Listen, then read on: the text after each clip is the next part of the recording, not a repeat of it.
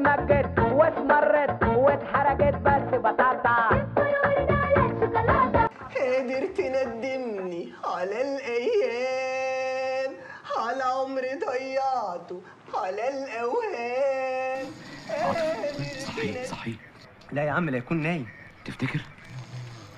انت خايف ولا إيه؟ فعلا أنا خايف. يا عم ده أنا آخر مرة جيت أصحيه كان هيعورني. خلصونا بقى من الهيصه دي. أنا صحيت. أهلا بيكم في صالة بيتي.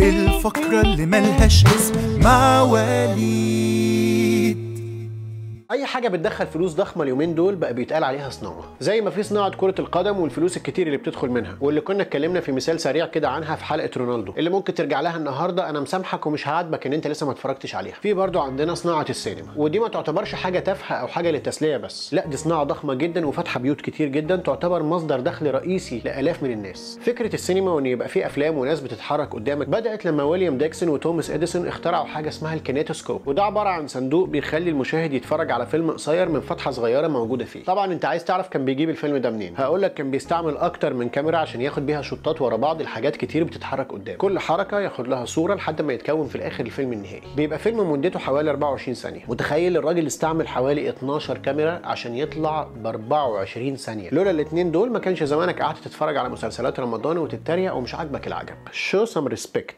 بعد ما الاثنين دول عملوا الاختراع ده جم بعديهم الأخين لوميير لوميير بغازاز حبوا يطوروا الفكرة ويخلوها حاجة بتجيب فلوس. وسنة 1895 تم افتتاح أول سينما في باريس بتعرض الأفلام القصيرة دي. جينا بعد سنة 1914 فكرة السينما غزت أوروبا وروسيا. طبعا ما نقدرش نقول إن هو زي دلوقتي قوي بس كانت متطورة أكتر من اللي بدأوا لوميير brothers. ولأن أي حاجة بتتشاف بتنجح بعدد اللي اتفرجوا عليها. ما تقلقش مش هقول لك share و like و subscribe الكلام ده في آخر الحلقة بعد فقرة التساؤلات. أنا أنا دلوقتي في أنا في موضوع السينما دلوقتي. ما تفصلناش. نرجع لموضوعنا تاني. المشاهدين هم اللي ساعدوا على انتشار فكرة السينما ونجاحها لأن هم كانوا بيدفعوا فلوس عشان يدخلوا السينمات يتفرجوا على الأفلام القصيرة دي. وكل ما العدد يزيد الفلوس تزيد المنتجين تنبسط وتنتج أكتر وتطور المحتوى أكتر. فيتعمل سينمات أكتر عشان الناس تيجي أكتر وتجيب فلوس أكتر وهكذا. زي ما أنت هتتفرج على الحلقة دي وتعمل share عشان غيرك يشوفها والمشاهدات تزيد. فأروح أنا أعمل حلقات أكتر وأشتري عدسات أكتر وأطور المحتوى أكتر وأشتري إضاءات وكوبايات عليها اللوجو بتاعتي.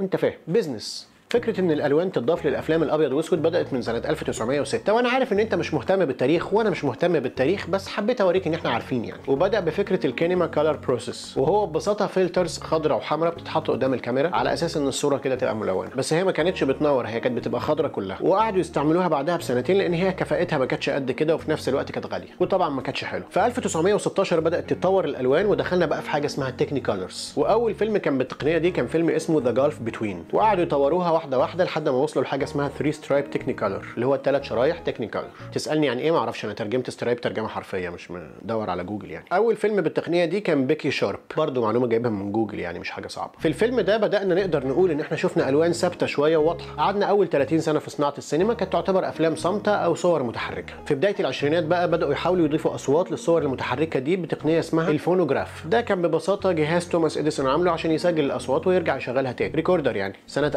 1927 نجحوا إن هم يعملوا أول فيلم بصوت كان اسمه The Jazz Singer طبعا أنا مش محتاج أحكي لك عن quality الصوت في الفيلم ده. وعلى فكرة أنت ممكن تدور عليه وتلاقيه موجود على النت. لما تشوف الفيلم ده ممكن تقول بينك وبين نفسك إن هو مش حاجة كبيرة يعني وحتى الصوت وحش فيه لكن عايزك تحط نفسك مكان واحد سنة 1927 والأول مرة في حياته بيشوف حاجة بالمنظر ده. ده كان وقتها يعتبر اكتشاف القرن. نيجي على الثلاثينات والأربعينات ده يعتبر العصر الذهبي للسينما عامة. ناس كتير كانت بدأت تروح السينما وبقت عادة فيهم. وبدأت السينما تدخل فلوس كتير جدا لدرجة إن هو في بريطانيا سنة 1946 كان بيتسجل حوالي 31 مليون زيارة للسينمات كل أسبوع. صور متحركة على أفلام على صوت ليلة كبيرة. مع إن ال quality وقتها زي ما قلت لك كانت على القد بس السينما وقتها كانت حاجة جديدة على الناس وعشان كده أي حاجة جديدة بتجيب فلوس في أولها. لحد ما جه التلفزيون في بداية الخمسينات مع المسلسلات القديمة اللي خلت الناس تقعد في البيت وما تروحش السينما. فبدأ سوق السينما يقع تاني. أصل إيه الجديد في السينما يعني مش موجود في التلفزيون؟ صور بتتحرك أهي موجودة. ولحد هذه اللحظة في ناس بتفكر كده. أنا ما أروحش السينما استنى ما الفيلم ينزل. كل دي حاجات خلت صناع السينما والسبكي بتاع الستينيات يضيفوا مؤثرات للأفلام اللي بتتعرض عشان يميزها عن التلفزيون وال content بتاع التلفزيون وقتها. فتخلي الجماهير تروح السينما وتفضلها عن التلفزيون ويرجعوا يخلوها عادة أسبوعية زي زمان بس برضه ما عرفوش قوي. هم آه إلى حد ما نجحوا إن هم يجذبوا الناس تاني للسينما بس مش بنفس القوة بتاعت الثلاثينات والأربعينات. لدرجة إن عدد الناس اللي في بريطانيا اللي قلته لك قبل كده قل من 31 مليون لمليون واحد بس. لحد ما بدأت فترة الإحلال والتجديد دي من أول التسعينات. أيوه الكلام ده قريب على فكرة مش من زمان يعني. مش أنتوا حبيتوا التلفزيون أكتر من السينما؟ طب إحنا هنطلع لكم الحيوانات والممثلين من جوه الشاشة. هيطيروا فوقكم. هنجننكم. ما تقوليش إن أنت ما فهمتش إيه دي ده إفيه. أيوه هو 3 دي. وأحب أقول لك إن أنا شاري النضارة دي مش سارقها من السينما قبل ما تبدأ ترمي عليا الاتهامات بتاعتك. وبما إن أنا مصري فتعالى أخدك جولة بكل فخر في تاريخ السينما المصرية اللي هي تعتبر مع بدايات السينما في العالم كله. السينما في مصر بدأت مع بداية السينما العالمية. والمعلومة اللي هتوقف ناس كتير جدا عند حدها إن هي بدأت في اسكندرية اللي اتعرض فيها فيلم لومير بعد عرضه بسنة واحدة بس في فرنسا. في اي إفيه عندك على الإسكندرانية أو على اسكندرية يقف لحد هنا بقى. الفيلم بعد ما اتعرض في اسكندرية ونجح بدأوا بقى يفهموا فيعملوا سينمات كتير في القاهرة واسكندرية صغيرة على أساس ينشروا الفكرة في مصر. بداية السينما في مصر كانت تحت إشراف أجانب لحد ما جه محمد بيومي وبالرغم من إن اسمه يوحي لك إن هو كان مجرد موظف في السجل المدني إلا إن هو كان ممثل ومنتج ومخرج ومصور وأي حاجة ليها علاقة بالسينما. لدرجة إن أنا فكرت إن هو لو كان عايش دلوقتي وعمل فيلم مثلا اسمه كان هيطلع كام مرة على التتر.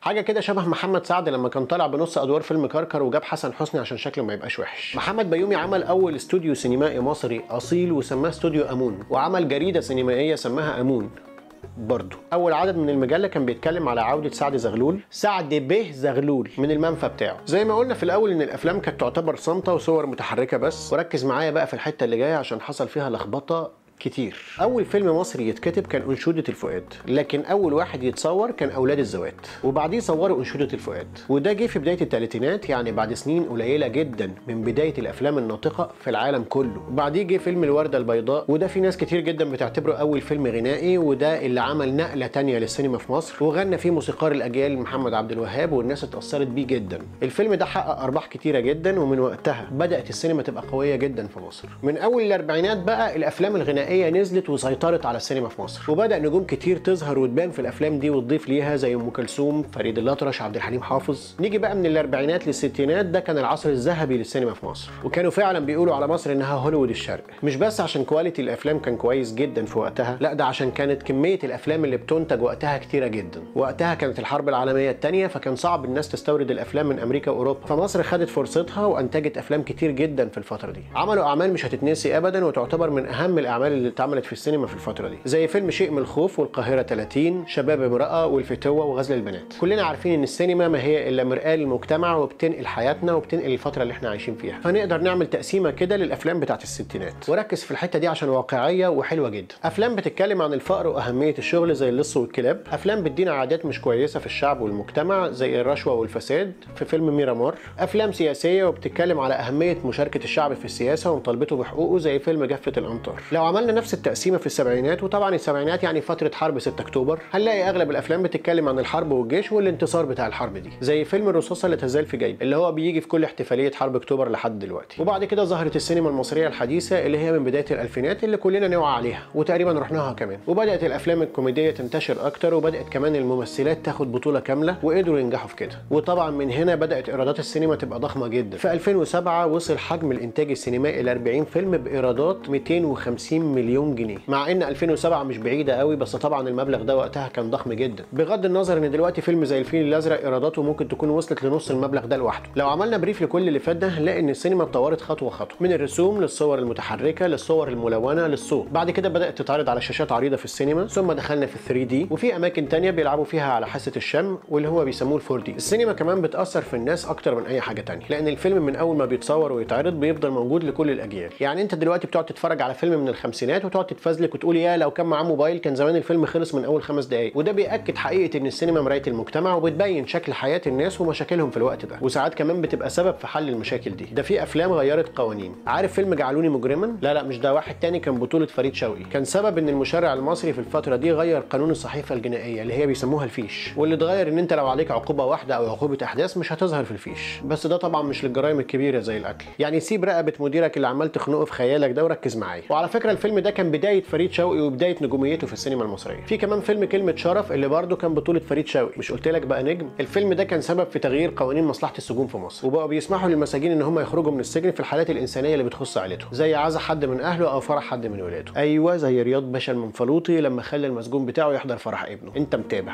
أنا عارف إن ده اللي جه في بالك وتلاقيك أصلا ما شفتش فيلم كلمة شرف. فيلم اريد حلا وده التغيير ما كانش بسببه لأن في فترة الثمانينات أفلام كتير جدا كانت بتتكلم عن قضايا المرأة في مصر. لكن اريد حلا كان أقدم وأشهر واحد. يعني لما تقرأ عن قانون الخلع لازم تفتكره كويس لأن هو كان سبب هو وأفلام تانية زي عفوا أيها القانون في تغيير قوانين الأحوال الشخصية وحسنت من وضع المرأة في القوانين دي. لكن دلوقتي للأسف السينما بتأثر في المجتمع بشكل غير خالص زمان. بقت سبب في زيادة الجرائم والعنف والبيئنه والشبحنة والبلطجة. وده طبعا بسبب الأفلام الكتير بتاعت اليومين دول اللي ما وراهاش حاجة غير البلطجة والخيانة الزوجية والسرقة. بقى بيتصور البلطجي على إن هو رمز للقوة والشجاعة فيبدأ الأطفال يقلدوهم ويعتبروهم قدوة ليهم وإحنا نسميهم سرسجيه طبعا أسرة برنامج الفقرة اللي ملهاش اسم أسرة حيادية ومش قصدها تتكلم على حد معين بعينه. أنت بقى عارف حد من اللي بيعملوا الكلام ده؟ يبقى اكتب لي اسمه في الكومنتات وأنا هعمل فيها مش عارف. وبسبب الأفلام الشعبية اللي موجودة دلوقتي ومليانة إجرام وقتل بقينا نسمع كتير عن أب قتل بنته عشان بيشك في سلوكها أو أخ قتل أخته. واللي يخوف إن الأخبار دي دلوقتي بقت كتير جدا لدرجة إن إحنا بقينا نقراها ونسمعها كأنها حاجات عادية. نقرأ عنها في الفيسبوك ونعمل scroll ونكمل يومنا عادي خالص. وبما إننا فريق حيادي مش هننسب كل التطور للسينما المصرية. أكيد كمان السينما العالمية أثرت في التطور. عندك فيلم The Town وده فيلم اترشح للأوسكار. بيحكي على شخص حب واحدة من الشهود على عملية سرقة قام بيها مع العصابة بتاعته. طبعا واحد زيك هيجي فجأة ويقول أنا استفدت إيه من الموضوع ده؟ هقول لك اصبر شوية واسمعني. هقول لك التأثير في الموضوع ده ما كانش حلو ابدا. ده خلى مجموعة شباب بعد ما شافت الفيلم اتأثرت بيه وخدت من ال techniques وطرق السرقة اللي فيه. وعملوا سرقات كتير جدا في نيويورك يوصلوا ل 62 سرقة. وسرقوا تقريبا 217 ألف دولار. طبعا جه في بالك مسلسل 100 وش. أحب أقول لك إن هو عجبني أنا كمان بس ما تحاولش. فيلم Scream وده فيلم رعب غير تاريخ أفلام الرعب كلها. ده كان ليه كذا جزء مع إن أنا شايف إن فيلم الإنس والجن كان مرعب أكتر منه. ده حتى كانوا ضاربين كشاف أحمر في وش عادل إمام عشان يزيد الرعب في الفيلم. فيلم Scream بتدور أحداثه عن إن شخص لابس قناع مشهور جدا وبيطارد البنات ويقتلهم وده أثر على الناس جدا لدرجة إن سنة 2001 سواق بلجيكي اسمه تيري استدرج بنت لبيته ولما حاولت تخرج حبسها وخرج ولبس زي الفيلم ودخل طعنها وقتلها. طعنها 30 طعنة زي الفيلم بالظبط. وأخيرا أكتر فيلم أثر في الناس فيلم The Dark Knight اللي بيحكي عن صراع باتمان مع الجوكر. الفيلم ده تسبب في جرائم كتير أشهرها سنة 2009 لما طالبة ضربت المدرس بتاعها بالمقص وكانت رسمة على وشها ضحكة زي بتاعة الجوكر. وفي 2013 الفيديو الشهير اللي في كولورادو لما واحد متقمص شخصية الجوكر ضرب النار على قاعة السينما كلها. كل ده عشان دور اتعمل في فيلم خيال علمي أصلا. فمن هنا لازم نفهم إن صناعة السينما مسؤولية كبيرة جدا. أفلام زمان كان ليها قيمتها وليها أهداف راقية وبتوجه المجتمع على سكة مواكبة للفترة اللي هو فيها. لكن الموضوع دلوقتي اختلف كتير بقينا نمجد البلطجية والحرامية. وبقت سبوبة وبدأ المنتجين يتجهوا لأي عمل فني بيسموها حتى أفلام تجارية أو نحتاية عشان يجمعوا أكبر عدد من الفلوس. والآن مع الفقرة اللي كلنا مستنيينها والناس بدأت تتساءل هي فين الفقرة دي؟ فقرة التساؤلات. هل ممكن يتعمل فيلم أحلى من الناظر وصعيدي في الجامعة الأمريكية؟ هل بعد كام سنة السينمات هتقفل والعرض كله هيبقى هولوجرام؟ هل أنت تعرف الهولوجرام؟ تلاقيك فاكر وحده قياس والله. هل حد هياخدني في أي حاجة أمثل معاه؟ هل مرة لوجه الله هتعمل subscribe وتبص على الحلقات اللي فاتت؟ شكرا.